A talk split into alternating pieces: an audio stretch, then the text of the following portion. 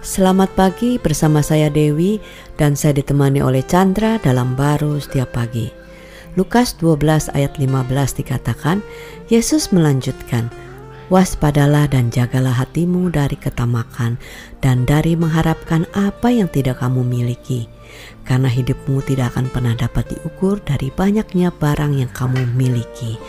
Wah, Yesus ini istilahnya memperingatkan kita semua ya gitu dari cerita ini tentang ketamakan. Karena uh, ceritanya itu Yesus itu di di uh, minta oleh seseorang untuk menangani perselisihan keluarga tentang pembagian harta gitu kan.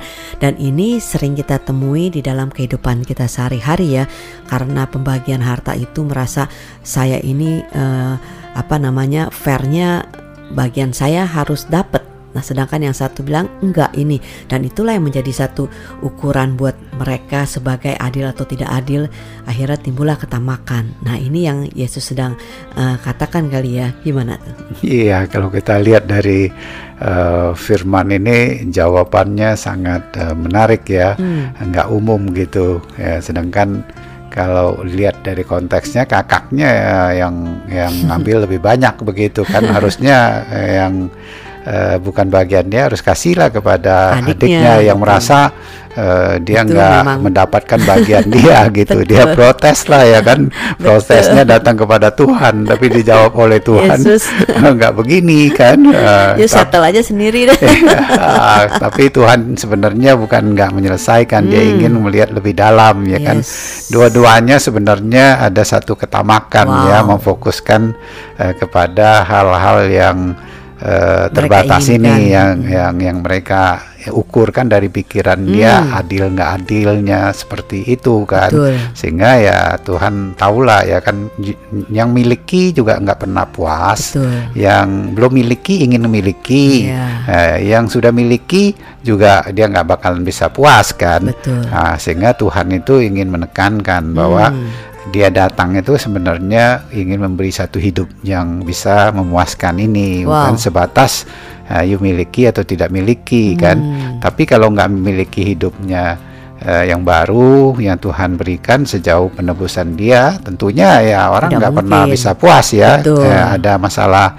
yang merupakan hak dia ya dia tuntut Betul. terus dia, gitu. Dia selalu bilang ini hak saya bukan yeah. saya tamak. Nah akhirnya kan ujung-ujungnya berasa seperti itu kan. Iya tapi kalau dia sudah uh, mengalami satu uh, uh, apa percaya kepada Tuhan dengan penebusan hidup Tuhannya dia hmm. uh, bisa hatinya penuh ya wow. sehingga perkara itu tidak lagi menentukan dari hidup dan matinya dia betul, ya sehingga betul. tidak menentukan lagi uh, sukacita dia hmm. atau kedamaian dia tapi ada hidupnya Tuhan yang jauh melampaui yang nggak bisa manusia coba dapatkan dari apa yang dia miliki hmm. tapi apa yang Tuhan sudah lakukan melalui kematian dia yang menebus sehingga yes. kita percaya saja ada Tuhan dengan hidup Tuhan ya itu yang kita miliki yang membuat kita bisa penuh dan melimpah. Hmm, jadi itulah ukuran daripada hidup kita yang sebenarnya ya, bukan dari banyaknya barang yang kita miliki